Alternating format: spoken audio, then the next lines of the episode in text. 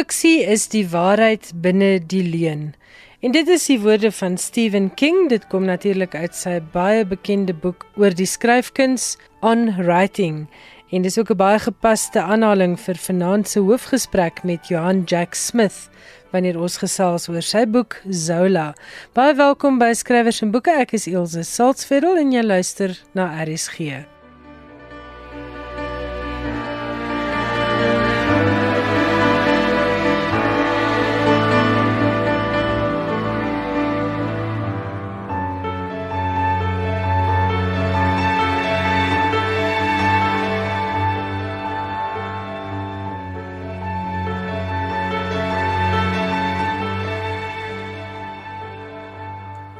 Maar eers 'n bietjie boeke nuus. Die wenners van die Sanlam Pryse vir jeuglektuur 2019 is so 2 weke gelede bekend gemaak. Sanlam en Tafelberg, 'n druknaam van NB Uitgewers, was die dryfkrag agter hierdie boeke en pryse.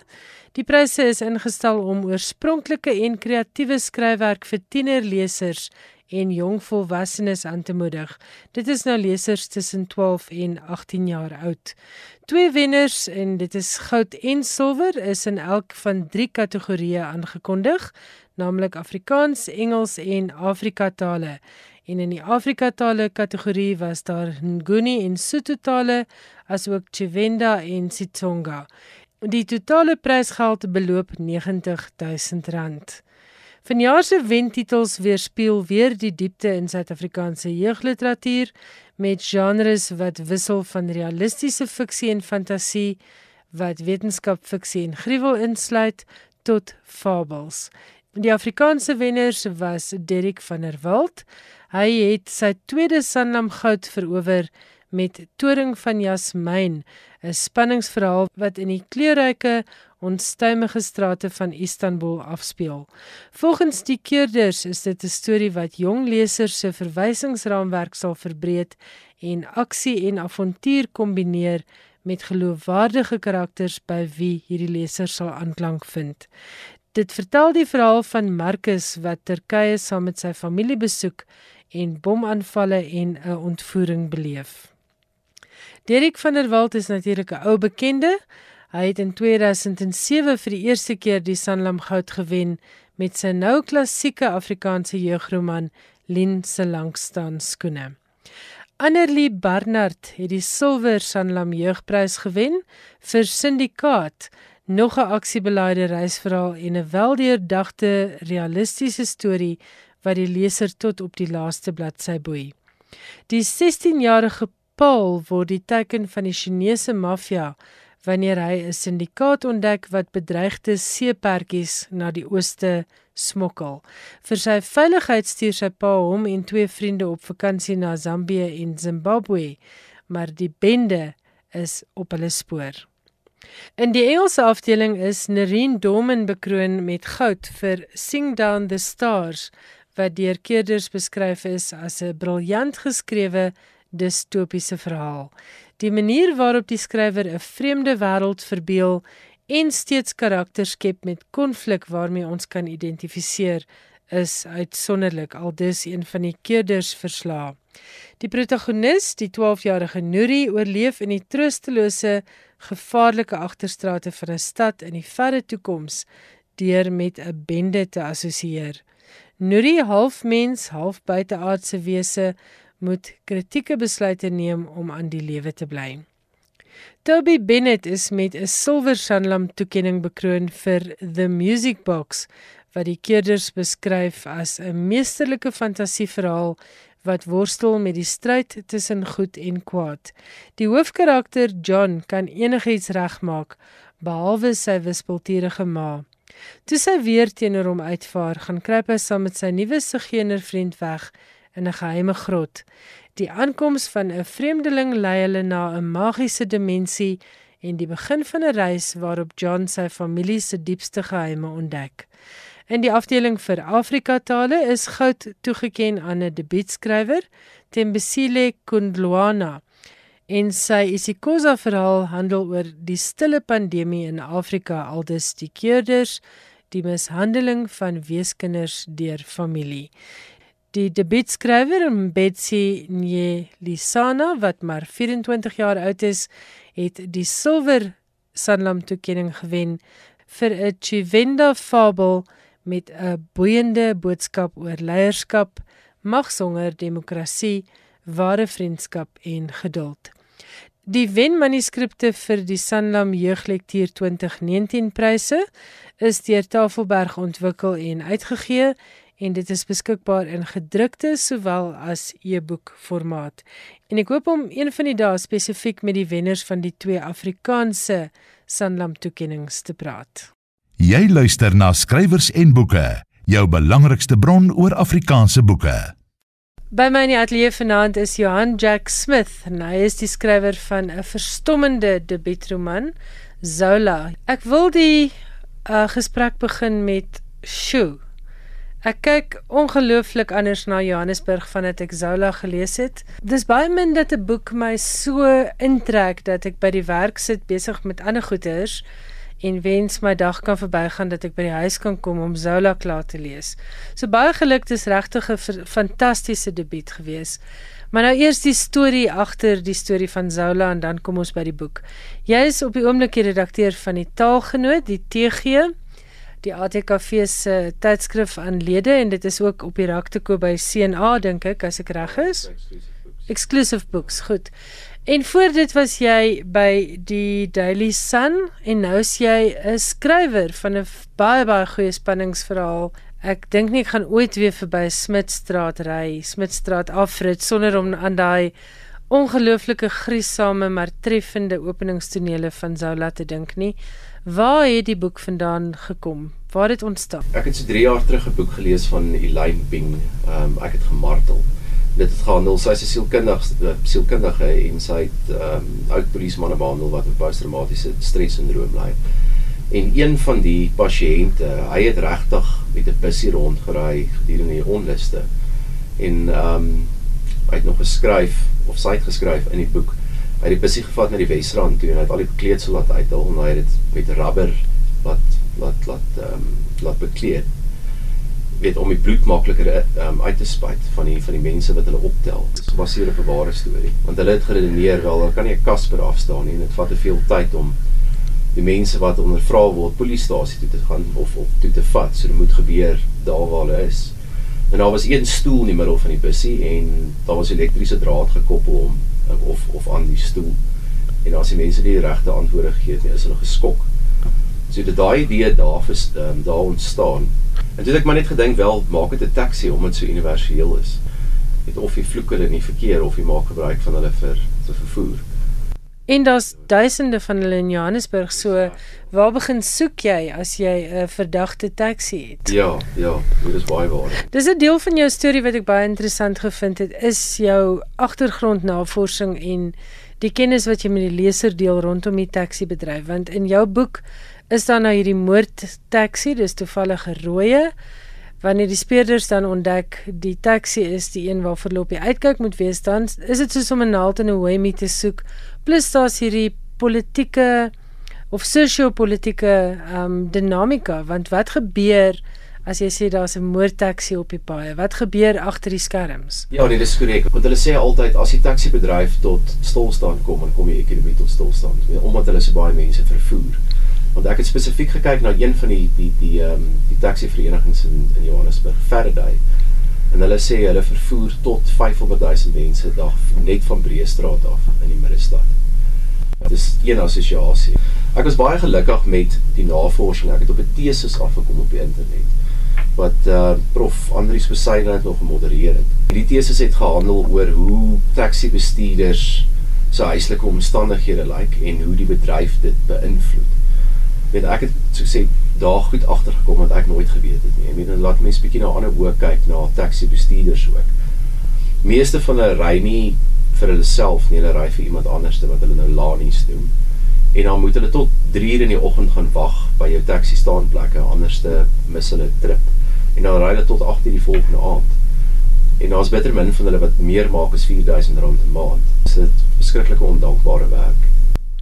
En daai moet hulle waarskynlik nog boetes ook betaal, né? Ja, weet hulle moet boetes betaal, hulle moet self betaal vir die bande of die uitlaatpyp wat stikkend is. So die jaar is nog opskriklik. Ja, ek moet sê die die agtergrond inligting wat jy so terloops gedeel het rondom taksies was 'n openbaring. Ek dink baie van ons wat in Johannesburg bly, weet ietsie, maar ons weet nie alles nie. Ja. En dit was vir my interessant, maar wat ook vir my baie interessant was is jou kruisverwysings na die Waarheids- en Versoeningskommissie, die werk wat daar gedoen is, die dinge wat daar gesê is, die dinge wat ongesê gebly het. Ja. Die ehm um, boosheid wat in uh goeie goeie mense se gedagtes tussen ons rondloop was 'n ander baie verrassende aspek. Die boek se einde het my vir 'n totale 6 geslaan want jy weet as jy 'n speurroman lees dan dink jy heeltyd, "Mm, ek het hom, dis die moordenaar. Ja, ja. Ek het hom, definitief." Ek het begin vermoed hier na die einde toe wie se moordenaar, maar ek kon nie die motivering kry nie. Ja. So wel gedaan met hoe jy daai drade geknoop het en baie liggies vir ons weggesteek het ook. Ja, nee, dankie. Maar hoe werk dit? Hoe pak 'n mens so omvattende speurroman aan want daar's storielyne, daar's karakters, daar's ehm um, hierdie agtergrond van die taksies, die waarheids- en versoeningskommissie, die apartheidspolisie. Hoe knoop 'n mens al daai drade bymekaar? Dit is nog 'n uitdaging om dit te doen. Wat ek oorspronklik gedoen het, is ek het 'n draaiboek geskryf van 25000 woorde. Gerard Rudolph, die die die akteur, hy het gesê hy wil 'n draaiboek hê en hy wil nie doekies omdraai wat geweld en ras rasse spanning in daai daai klas wat goed betref nie. En ek het dit so benader en ek het oor 3 weke 3 weke geskryf oor Desember. Maar daar het ek al reeds die die die die ehm um, die skelet gehad van die storie. Ek het die twee hoofkarakters gehad, ek het geweet hoe gaan dit eindig. Ek het geweet waarom word die moorde gepleeg en weet is ensovoorts. So as jy die boek dan skryf, dan brei jy maar net uit. Jy voeg nog karakters by en nog tonele. En ja, op die einde van die dag was dit soos ek sê 300 bladsye gewees. Maar hoe so, hoe lank het jy geskryf? Om die waarheid te sê, nie so lank nie. Ehm um, ek dink omtrent 6 maande. Die vertaling het baie lank gevat van Afrikaans na Engels toe. En dan natuurlik die regeringsproses ook van daar's 'n hele paar darlings wat ek moes doodmaak. Dis wat dit maar wat dit maar gewoonlik gaan. Maar ja, dit is nie, so ek sê as jy maar net jou kop neersit, weet jy jy, jy weet waar jy nie gaan. So dan moet jy maar net sit en skryf. Maar Johan, dis dis 'n baie wrede boek in hmm. baie opsigte. Soos jy sê, dit draai glad nie doekies om nie. Tog is dit nie 'n verskriklike lees nie. Dis nie iets wat 'n mens laat wegduins nie. Ek dink wat 'n mens net opval is jy skryf werklik waar soos wat ek dink dit gebeur en gebeur ja. het. Het dit nie bietjie in jou kop gaan sit nie? Daar's spesifieke toneel daarin wat afspeel by 'n woonstelkompleks van 'n van 'n klein seentjie en sy ma. Nou ek bly in daai woonstelkompleks. Het dit so, daar gebeur? Dit het nie daar gebeur nie, maar ek het myself so ek het dit so gevisualiseer dat dit indien dit sou plaasvind, hoe sou dit lyk? En hoe sou en, jy reageer? Ja, en hoe sou ek re, um, reageer? Want ek sê dit was nou nie bus, dit was nou nie 'n um, verwantskap in Bason gewees of wat jy dan Bason nie. Maar dit het nogal by my gespook want my my seentjie is self nou 5 jaar oud. En dit het nogal by my gebly en ek moet sê gedurende die die die die, die skrywe van die boek, my vrou het ook vir my gesê, weet jy's mislik gedurende sekere dele en ek moet sê die een toneel waar dit binne in die taxi ook plaasvind en dit is een van die dis baie wreed maar daar daar is nie soveel wrede tonele nie. Daar sê maar net 3 in die boek. Ja maar ja. maar as ek sê daai drie tonele wat wat fisies daar gebeur is nogal uitmergelend. En ek sê dit maak 'n mens nogal bietjie bietjie negatief maar die die die die boek ook is is baie donker. En jy weet jy loop die hele tyd met dit saam en jy moet die hele tyd al van daai kon ek dit nou stel state of mind wees weet mm, as mm. as jy dit skryf so dit haal nogal baie te mense uit ek weet mense skryf skrywers wat hulle self heeltemal apart van dit kan sit en maar ek het ek sukkel nogal daarmee weet jy leef jouself so in die storie in om dit te probeer so realisties as moontlik maak want ek sê wat wat wat wat jy ek nou genoem het elke toneel sien ek is hoe sou ek dit nou sien as ek daai polisieman was mm. of daai speeder of die vrou of joernalis of wat ook al die geval was. Ja, ek het vanoggend verby die is dit die Park Parktown uh, golfbaan? Wat 'n golfbaan? Ja, in Parkwood. Parkwood ja. golfbaan gery en ek het hey, ek was deel van daai soektog na ja. daai skurke. so wat ek vir jou wil vra is, het jy met ander speerders en mense in die polisie of oud polisielede gepraat oor die posttraumatiese stres want dit maak ook 'n belangrike deel uit van hierdie boek. Ek het ehm um, en die res was my ook ter lees gewees. Ek was gelukkig my middelste broer is is 'n oud polisieman. So baie van die stories wat hy my vertel het of van van wat sy kollegas uh, my vertel het, het ek nogal gebaseer op Bason se lewe. Ehm um, want hy is die die die blanke ouer polisieman mm. en hy is deur die 80s of die vroeë 90s. So baie van die dinge wat hy ondervind het daar, het my broer hulle ook ook ook ook ondervind. En die dinge wat hy nou ondervind, ja, hy word ja, nie bevorder nie. Goed, ek is ek het met 'n kolonel gepraat en met 'n uh, met 'n swart speeder ook. So vir ek sê baie van dit is is gebaseer daarop en ek het baie van my afleidings daarvan af daarvan af gemaak, ja. Goed, en Bason is die een hoofkarakter, die een speeder, sy ja. kollega is Majola. En dit was ook vir my 'n baie baie aangrypende karakter gewees. Mense vergeet ook waar swart polisiemanne vandaan kom en wat hulle self beleef het en wat hulle moet oorkom wanneer hulle by die polisie mag aansluit ja. en deel word van 'n span waar die die die spooke van die verlede maar nog definitief loop. Ja. Dit was my grootste uitdaging om om hom te skryf want ek het van die begin af gesê ek wil nie nog twee blanke spelers hê nie. Ek wil ten minste dis Johannesburg, dis die werklikheid vir realiteit hierdie een van die hoofkarakters moet ten minste swart wees. Nou kyk, dis seker nie een van die grootste slaggate wat jy kan trap as jy uit 'n blanke oogpunt, van Afrikaner oogpunt, nou 'n swart karakter wil inskryf. En om baie baie realisties vir hom. Ja. So ek het myself bietjie gevrywaar in 'n mate dat hy het groot geword in Linden en toe sy later na sy regte ma toe. Maar ek het ook gesien in Johannesburg tans, daar's soveel blanke couples wat swart kinders aanneem. Um ja, so dit was 'n bietjie uit uit so 'n bietjie van beide wêrelde beleef uit die die die die township wêreld wêreld gehad aan die een kant en dan het hy nou die suburban um stadslewe gehad. Ja, die voorstedelike lewe. Ja, ja, die voorstedelike lewe. Die stasie waar ja. die in die worsond en so aan. Ja. So ek het eh, ek ek, ek dink al die karakters in die boek mens braak soms bietjie die mekaar van wie se goeie ouens en wie se slegte ouens want hulle het almal baie persoonlike probleme. Hulle is nie net bloot helde en doen mm. die hele tyd net die regte ding nie. Ek dink hulle baie swakhede as gevolg van die werk wat hulle doen ook in in Johannesburg. Die ruimte speel 'n baie belangrike rol. Johannesburg as 'n stad word as dit ware 'n karakter in hierdie boek was dit met opset? Want jy sê ja. jy het lank in Bloemfontein gebly. Jy kon net sowel jou roman in Bloemfontein laat afspeel. Ja, ek het ek het nog altyd gesê uh, as as ek nou weer moet skryf, kan ek dit sekerlik maar in Bloemfontein ook doen. Want jy skryf maar oor wat jy ken. Ehm um, dis my effens ondenkbaar om nou 'n speurverhaal te skryf in Durban want ek weet nie hoe lyk dit daar nie. Maar ja, ek het ek het uit die staanspore uit het ek besluit Johannesburg het sy eie persoon nou hê. Dit het nou. Ja, weet en dit is ek het uit my pad uit gegaan om die plekke te verduidelik en ook die rol wat dit speel op hierdie twee polismanne se siege en waar hulle vandaan kom en en daai tipe goed ja. So. En ook wat ek gevind het wanneer ek lees, die stad het half 'n stem van sy eie. Hy praat met jou. Ja. Want hier is ehm um, soos wat die een karakter aan Majola sê, uh die dis die plek van goud, maar die goud lê eintlik in die mense. Ja, ja. En jy het dit baie goed vasgevang om Johannesburg se eie stem te gee. Ja. Ek het probeer om ek sê die boek is donker, maar daar is tog hier en daar 'n bietjie lig wat deurskyn, selfs met Johannesburg. En self met die hierdie uitmergende saak wat hulle ondersoek en daai klas van goed. So ek het nogal weet anderste was dit dalk te donker. Mm, mm. Mm. Jy het gesê jy het die boek geskryf as 'n rolprent draaiboek. Dit is vir my baie filmies geskryf. Ek dink is definitief miskien 'n aanspraakmaker op die rapport filmprys want ek kan dit sien as 'n as 'n enkel as 'n enkel fliek of as 'n ja. reeks dalk. Beplan jy dalk 'n opvolg? Om dit reeks te maak. Gaan ja, daar gaan ons ek, meer hoor van Bason en Majola? Ja, ek speel nou mee. Ehm um, ek het ek het eintlik al 'n idee vir boek 2 en 3. Maar weet vir diegene wat al die boek gelees het, weet van die karakters kan nie dadelik terugkeer nie. Ja, arme Majola. Ja, maar as ek sê wanneer kan daarom kan kan daarom 'n terugkeer maak, dalk as 'n privaat speler en dan later kom hy weer terug in die polisie ja, of so. Ja. So ja, die idee is daar ek moet net kyk wanneer ek die tyd gaan kry deur al die ander goed wat ek aanpak. Maar ek wil vir jou nog 'n laaste vraag vra. Die rol van die joernalis in hierdie storie was vir my ook interessant want ja. Die ding het amper heeltemal suid gegaan weens haar neusinstekerigheid.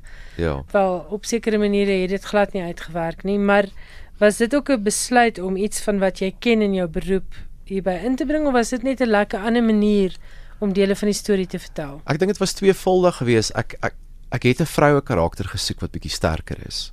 Dat dit net mans is nie. As ek mm. sê die die die die polisie mag of of die eenheid op die stadium doen die mans eintlik maar al die werk.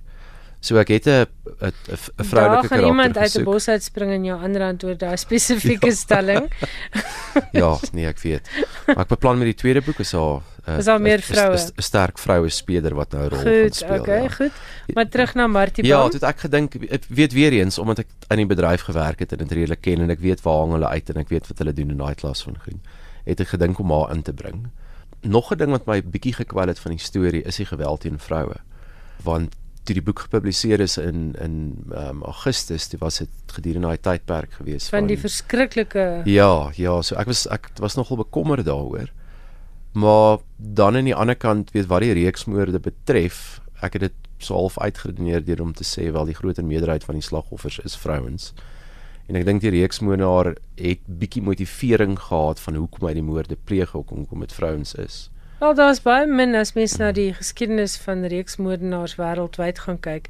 Is daar maar min van hulle wat mans vermoor. Ja. Die ja. makliker teiken is maar vroue. Is maar vrouens en kinders, ja. En in ons mm. land het ons 'n baie unieke situasie waar dit feitelik net vrouens en kinders is wat ja. onder die verskriklike geweld deurloop en bejaardes. Ja. So ek dink jy was in elk geval in die koel daar en jy skryf nie oor iets wat nie die waar in die werklike lewe gebeur nie. Ja, ja, nee dit is. Dis was dieselfde die, met die jou jou die die die taxi moordenaar ook. Daar was 2 jaar terug 'n geval gewees in Mildersdrift van 'n taxi bestuurder wat meisies opgelaai het en hulle verkrag het en hulle net daar gelos het. So hier soveel werklikheid in die boek van mm. dinge wat wat regtig gebeur het. En ek dink mense wil dit nie altyd on, uh, mense wil dit nie altyd erken nie. Ek weet of dalk altyd daarvan lees nie om die waarheid te sê. So maar weet ek wou dit so realisties as moontlik maak. En ek dink amper in Mikkie Pistorius se werk was daar ook 'n Nasrek moordenaar. Hy het ook meisies in 'n taxi opgelaai ja, en altyd min ja. of meer by Nasrek gaan vermoor en Ja, ja. So Jan Jack Smith baie geluk met Zola. Ek sien Dankie. uit na die opvolg en ek hoop iemand gryp hierdie roman en lees hom en besluit hy kan 'n televisiereeks of 'n fliek word. Ja, ja. Lekker skryf en uh ja, uh, vertel ons meer van Johannesburg. Reg, Ilse baie dankie en dankie vir die geleentheid. So gesels Johan Jack Smith oor sy debuutroman Zola. Dit word uitgegee deur Penguin Random House. Ek vra om verskoning vir die klankduiwel wat daar aan die begin ingesluip het, maar ek hoop jy het nog steeds die gesprek geniet. Die afgelope paar weke het ons geluister na bydraes wat Milton Webber vir ons opgeneem het tydens die week van die Afrikaanse roman in Nederland en vanaand is dit tyd vir die laaste bydra. Milton gesels hierdie keer met Rihanna Skeepers.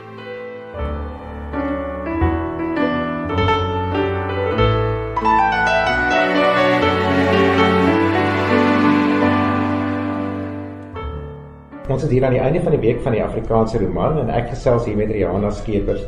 Rihanna het natuurlik geen bekendstelling nodig nie. Sy is 'n gevierde skrywer met pryse wat wissel van die ATKV Prosa Prys, die Eugene Maree Prys, die Rapport Reyers Erepenning. Rihanna, welkom. Baie, Baie dankie dat jy bereid is om met ons te gesels. Um, ons het sopas uh, na die rolprent weergawe van jou boek Blinde Sambok bygewoon hier in die Openbare Biblioteek in Amsterdam. Hoe voel dit om die rolprent weergawe van die boek hierso te sien? Ja, in Nederland. dit is dit is 'n wonderlike ervaring. Ek moet sê ek het die ek het dit nou alreeds in Suid-Afrika gesien, maar om dit hier in hierdie pragtige ruimte in die Openbare Biblioteek Amsterdam te sien, het dit my die film met my weer van voor af ontroer. Die boek is in Nederlands vertaal as Skorpioenkind En miskien is dit nou die vreemde ruimte, maar dit is vir my pragtig. ja. Wat het jy gedink van die reaksie wat jy gekry het? Ek is elke keer verstom en verras en bly oor die reaksie van mense wat die film sien. Want dit is nogal 'n swaar tema. Weet eh, ek bedoel dit gaan oor die die die vrees van 'n kindervrese wat oorwin moet word en 'n monster wat gepak moet word. En dan is ek tog bly dat mense sien wat die tema tog is en dat 'n kind in hierdie geval 'n dogtertjie daar haar vrese net moet pak en en oorwin. Ehm um, ek is ek is baie bly oor hoe mense reageer op die boek en op die film. Die week van die Afrikaanse roman het sopas afgeloop. Kan jy dalk vir ons vertel wat was wat het vir jou uitgestaan? Wat vir my uitgestaan het die afgelope week want ek het nou saam met ses ander kunstenaars deurgebring en ons is deur Nederland en deur Vlaandere is die opgewondenheid waarmee 'n Nederlandse gehoor nog steeds reageer op Afrikaans. Deurgangs is daar amper 'n vreugde of 'n herkenning en en dat hulle bly is om Afrikaans te hoor en ten spyte daarvan dat Afrikaanse tekste in Nederlands vertaal word en ek dink dat die Nederlanders meer moeite kan doen om Afrikaans te lees en en nie wil met elke keer moet terugval op 'n Nederlandse vertaling nie is dit tog vir my lekker as ek sien dat daar 'n enorme belangstelling is in in Afrikaans en die Afrikaanse letterkunde. En dit sien ek nou al van 1990 uh van die 90er jare wat wat Afrikaanse literatuur meer toeganklik geword het in die la lande en elke keer is dit daardie vreugdevolle erkenning met met Afrikaans. Ek neem aan die Afrikaans is net nie heeltemal so beskikbaar hier in die Lae Lande nie. Nee. Nee, en die Nederlanders is natuurlik bederf dink ek dat dat hulle literêre tekste sommer dadelik uh, vertaal word in Nederlands. Hmm. En nie net Afrikaans nie, maar ook uh, vanuit Engels, Duits, Frans. Daar is altyd 'n Nederlandse vertaling beskikbaar. Nou net voor die week van die Afrikaanse roman begin het, het jy ook 'n lesing gehou in Frankryk of 'n skryfkursus. Ek het 'n skryfkursus aangebied ja, in Frankryk. Vertel ons 'n um, bietjie meer daarvan. Ja, dit was nogal 'n lekker ervaring. Dit was 'n groep van 9 Nederlanders en een van die aanbieders van die kursus het 'n klein chateaukie in in Frankryk en ons het almal so toe gepikkel en dit was 'n wonderlike ervaring. Almal het in een huis gebly en ons het uh, elke dag het ons die Afrikaanse letterkunde gepak en ons het ehm um, geskryf. Die kursusgangers het natuurlik in Nederlands geskryf en ek het die kursus in Afrikaans aangebied. En weer eens was dit daardie wonderlike spannende ontdekking van Nederlanders wat tekste in Afrikaans lees en en dit opwindend vind en dat hulle bewussings dat hulle verruiming ook plaasgevind het. Nou, jou boeke is al in verskeie tale vertaal. Jy het nou net gepraat van Esties onder andere ja. en uh Nederlands en Duits uh, en Frans sover ek weet ook. Uh ja. En in uh, Engels, hoe is dit in ander tale ontvang? Ehm um, die Spaanse vertaling het uitstekend gegaan. Hmm. Dit is uitstekend ehm um, ontvang daar van my boeke in Nederlands is ook goed ontvang. Ek is ek is bly daaroor die einste blinde sambok as skorpioenkind was op die kinderjury prys was op die kortlys daarvoor. En net as jy kyk na die verkope, sekere boeke het beter verkoop as ander, maar volgens die verkope moes ek moet ek aanneem dat ja, die reaksie was vir my was lekker, dit was uitstekend geweest. Nou jy het groot geword in die platteland uh, met in die Zulu kultuur. Uh jy het ja, ek wil nou 'n bietjie van 'n alregse vraag miskien hier vra. Ja, want jy het 'n paar keer verwys in die afgelope week na die wonderlike verteltradisie wat daar heers in die Zulu kultuur. Dink jy dit is die rede waarom mense min boeke sien in inheemse tale? Oei, ek kan nie vir jou dit is 'n groot vraag. Ehm um, ek ek weet dit ek was net gelukkig geweest om deel te wees van 'n orale verteltradisie. En want dit was dit was die algemene norm geweest vir al hoeveel jaar gelede voor televisie en voor uh, boeke eintlik oor in die algemeen beskikbaar was. En enerzijds is ek hartseer dat dit is, is nie meer so aktief beoefen word nie. Ek kom agter dat kinders veel eerder voor 'n dekselse TV sit as om as om stories te luister, maar dit is nie net in die swart kulture nie. Dit is dit mm -hmm. dit is ja, dis deurgangs die die die geval.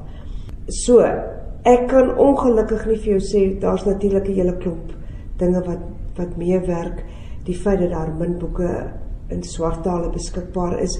Ek weet dat die taal ook 'n um, probleem is in die sin dat jy nie al die swart tale is nog gestandaardiseer nie. Ek het nie soveel kennis daaroor nie.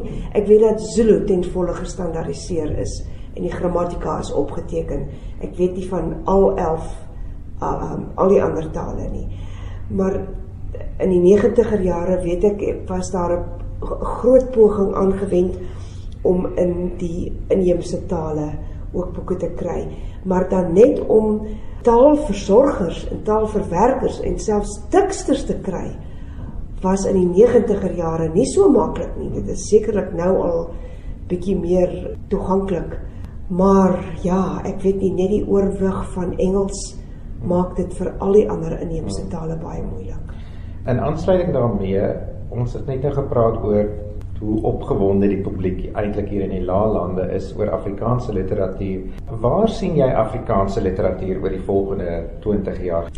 Dit is ook 'n interessante vraag. Ek wens ek het 'n kristalbal gehad in die toekoms. Wat ek vermoed wat gaan gebeur is dat ons heelwat meer alternatiewe vorms van literatuur gaan sien, soos straatteater, soos guma, rap, ehm um, liriek dat dit dat Afrikaanse tekste nie net gaan die groot in die groot genres van prosa of van poesie of drama uh gaan te beleef gaan word nie maar op allerlei vlakke. Ons sien dit ook op op kunstefeeste dat straatteater ja liriek uh mense wat sing en dans en die feit dat al hoe meer gemeenskappe meer geletterd raak en dat daar nie meer so oorwig is op die standaard Afrikaans nie, maar dit al die variante van Afrikaans na vore kom, elkeen met sy eie genres. Ehm um, Tribal Echo wat nou saam met ons was wat klip kop rock beoefen. Ek bedoel dit is nog 'n fantastiese nuwe genre wat wat hulle beoefen en dit is dit is 'n opwindende eksponent van Afrikaans. So jy is opgewonde. Ek is baie opgewonde, maar ek dink nie iemand ek dink jy moet die ongewone verwag van Afrikaans, nie die gewone nie. En dan gaan jy verras word en jy gaan aangenaam verras word. Waarom werk jy op oomblik? Op die oomblik het ek is ek besig om 'n roman te konseptualiseer. Ehm um, ek wil nie te veel daaroor sê nie want anders sê ek jy energie daarvan weg want ek het nou weer onlangs gelees uh, die swerfjare van Poppy Nongena. Dit is 'n seminale werk in Afrikaans en dit het so 'n groot invloed gehad op die denkprosesse van van Afrikaners, Afrikaans sprekende Afrikaners van toe. En ek wil nie sê dit kan net soortgelyk werk nie. Ek al wat ek sal verklap is dat dit vir my nodig was om weer te gaan kyk wat Elsa Joubert reg gekry het oor in 'n baie moeilike tyd in Suid-Afrikaanse politiek en dat ek dat ek in die rigting dink om om 'n soort gelyke verhaal te skryf maar wat natuurlik totaal anders sal wees. Dit dan die laaste gesprek wat opgeneem is by die week van die Afrikaanse roman. Baie dankie aan Milton Webber wat die moeite gedoen het om vir ons hierdie opnames daar in Nederland te maak en dit hiernatoe te stuur. En ek hoop vir die luisteraars hier in Suid-Afrika was dit ook van waarde om te hoor wat gebeur alles met Afrikaanse werk in die buiteland skrywers en boeke. Alles wat jy oor die boekewêreld wil weet en meer. Jan Meiburg, baie welkom in die ateljee. Wat se letterkunde nuus het jy vanaand vir ons? Baie dankie.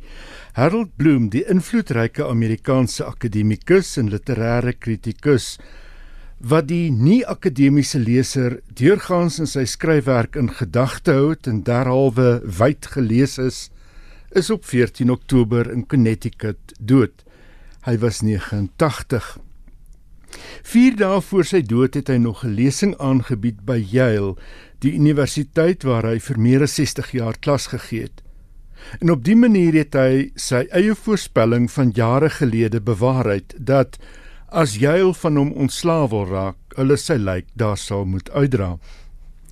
Invloedryk was Bloem gewis, maar ook uitgesproke in 'n tyd waarin politieke korrektheid al meer die oorhand begin kry het. In sy tradisionele sienings van die letterkunde het meermale onderskoot gekom. Sienings soos waarom lees ons terwille van sosiale of politieke agendas of lees ons om onsself te verstaan? In 'n tyd toe literêre kritiek geanker in marxisme, feminisme, dekonstruksie en multikulturaliteit die gangbare diskurse geword het, het Bloem sy byltjie gesluip vir die voorstanders van die diskurse en na hulle verwys as the school of resentment. Mense wat en ek haal aan nie in letterkunde belangstel nie, maar die letterkunde gebruik om hul eie programme vir sosiale verandering te bevorder. In The Western Canon, sy boek van 1994, het hy 26 skrywers uitgesonder op 4 na almal Europese mans wie hy geglo het se werk gelees moet word, van Chaucer tot Beckett met Shakespeare as die kern van die pantheon. Die vier vroue wat hy ingesluit het, was Jane Austen, Emily Dickinson, George Eliot en Virginia Woolf. Philip Roth, Thomas Pynchon en Don DeLillo het hy weliswaar as eie tydse reuse uitgesonder. Bloom was wat 'n mens 'n onbeskaamde elitis sou noem. Hy het neergesien op Harry Potter boeke en slam poetry En hy was ergerlik omdat Stephen King 'n ereprys van die National Book Awards ontvang het. Die Nobelprys vir letterkunde aan Doris Lessing het hy aan suiwer politieke korrektheid toegeskryf, meer as aan literêre waarde. Oor sy eie posisie in die literêre kritiek het Bloom verklaar: "Ek volg Marx, eerder Groucho as Karl, en ek staan by Groucho se lese." Wat dit ook al is, ek is daarteen.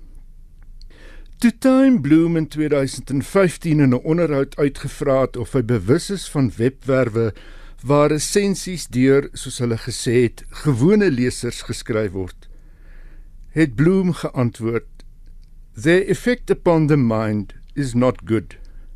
They do not enlarge and make the mind more keen and independent."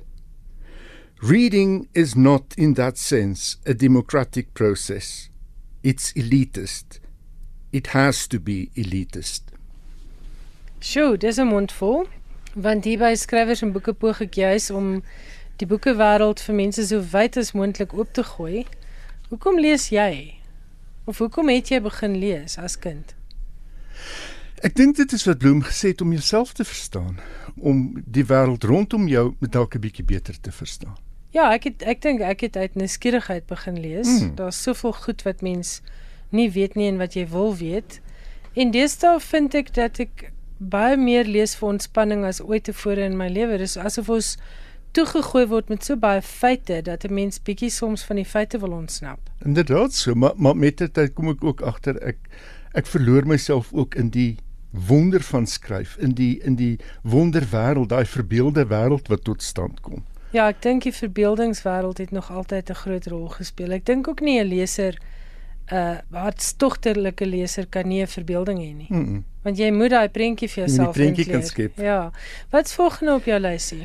Doris Lessing, die vrou wat in 2007 bekroon is met die Nobelprys vir letterkunde, sou op 22 Oktober 100 jaar geword het. Sy is in 2013 dood in die ouderdom van 94. Doris May Taylor is in 1919 in Persië, die huidige Iran, gebore, maar het in Zimbabwe, destyds Suidelike Rodesië, grootgeword.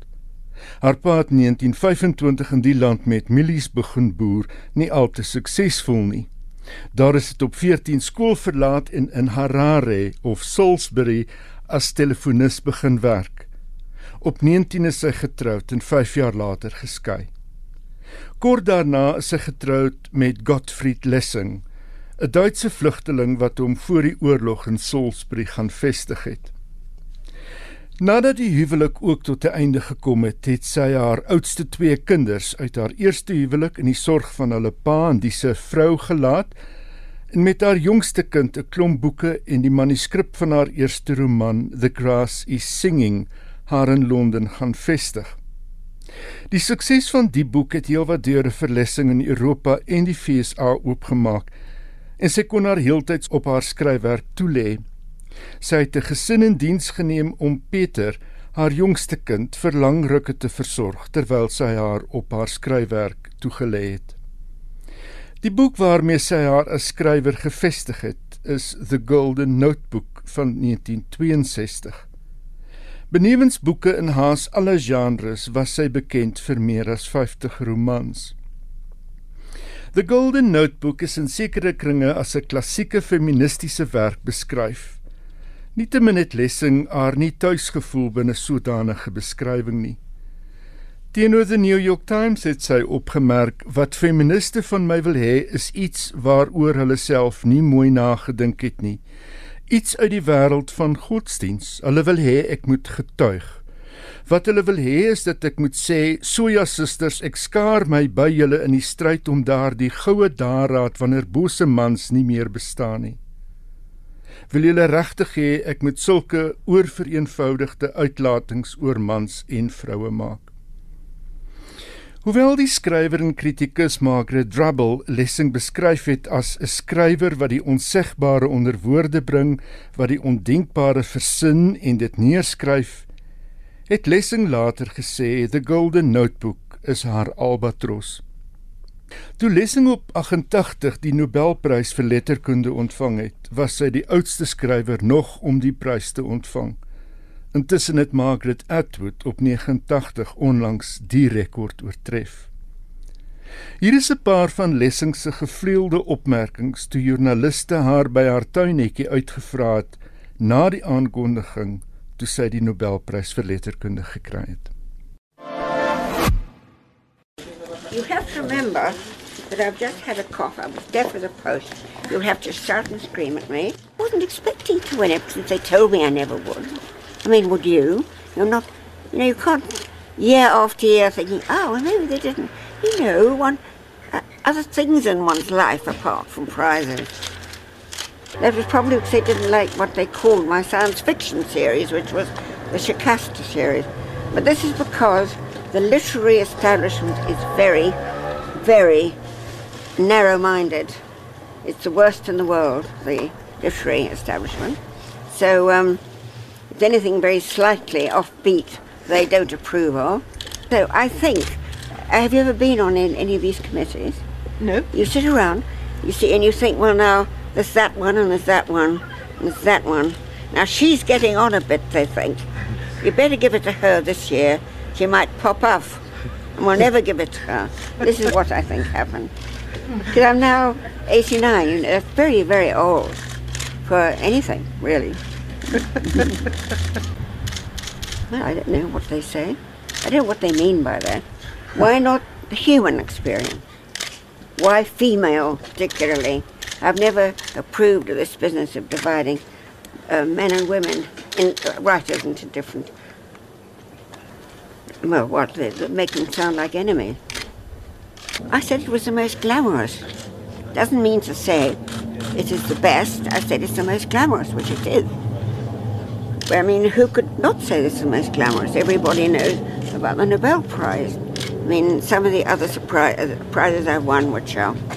I once uh, won a prize which consisted of being called the um, the best milkmaid in Norway, which um, so which was really one of the most charming prizes I've ever won. En dit was die stem van die 88-jarige Doris Lessing. Nou ja, een ding wat my nou opgeval het uit beide jou bydraes vanaand is dat hierdie mense hulle passie kon uitleef tot byna op hulle sterfdag. Inderdaad so. Is dit nie 'n wonderlike lewe nie? Daar is Lessing het in 'n stadium gesê die Nobelprys is nou goed en wel, maar sy moet nou so baie boeke teken, sy kry nie kans om te skryf nie. Goed en dan eindig jy met 'n bydrae oor die Dagger Prys en as ek nou reg is ek onthou Dit is die prys waarvoor Karen Breinhardt op die kortlys was. Dis heeltemal reg. Dit is die Britse Crime Writers Association se Dagger-pryse vir misdaad fiksie of misdaad skryfwerk en sy was uh, sy het in aanmerking gekom vir die internasionale prys, maar daar's verskillende kategorieë. Goed. 10 kategorieë en ek noem enkele van die wenners dan. Die uh, Gold Dagger is toegekend aan MW Craven vir The Puppet Show. The Gold Dagger nie fiksie vir Ben McIntyre The Spy and the Traitor. Dan die kategorie waarvan ons pas gepraat het, die internasionale dagger is verower deur Daf Elfon, A Long Night in Paris. En dan is daar ook 'n short story dagger gewen deur Danuta Kott writing as Danuta Ria en dit het sy gewen vir The Dummies Guide to Serial Killing en dit het verskyn in The Dummies Guide to Serial Killing and Other Fantastic Female Fables. Dit klink nou vir jou na 'n lekker interessante stukkie leeswerk daai. Johan, baie dankie. Ons gesels dan volgende week weer. Baie dankie.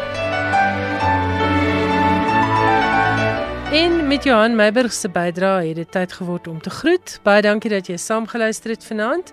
Volgende Woensdag aand maak ons weer so en dan gesels ek met Marita van der Vyver wat hier is uit Frankryk om te gesels oor haar splinternuwe boek Grensgeval. En dis beslis 'n boek wat sal byval vind by mans en vroue. Dit gaan oor die Angolese grensoorlog en die wonde wat dit gemaak het, maar ook 'n reis na heling en 'n deel van hierdie boek speel af in Kiba.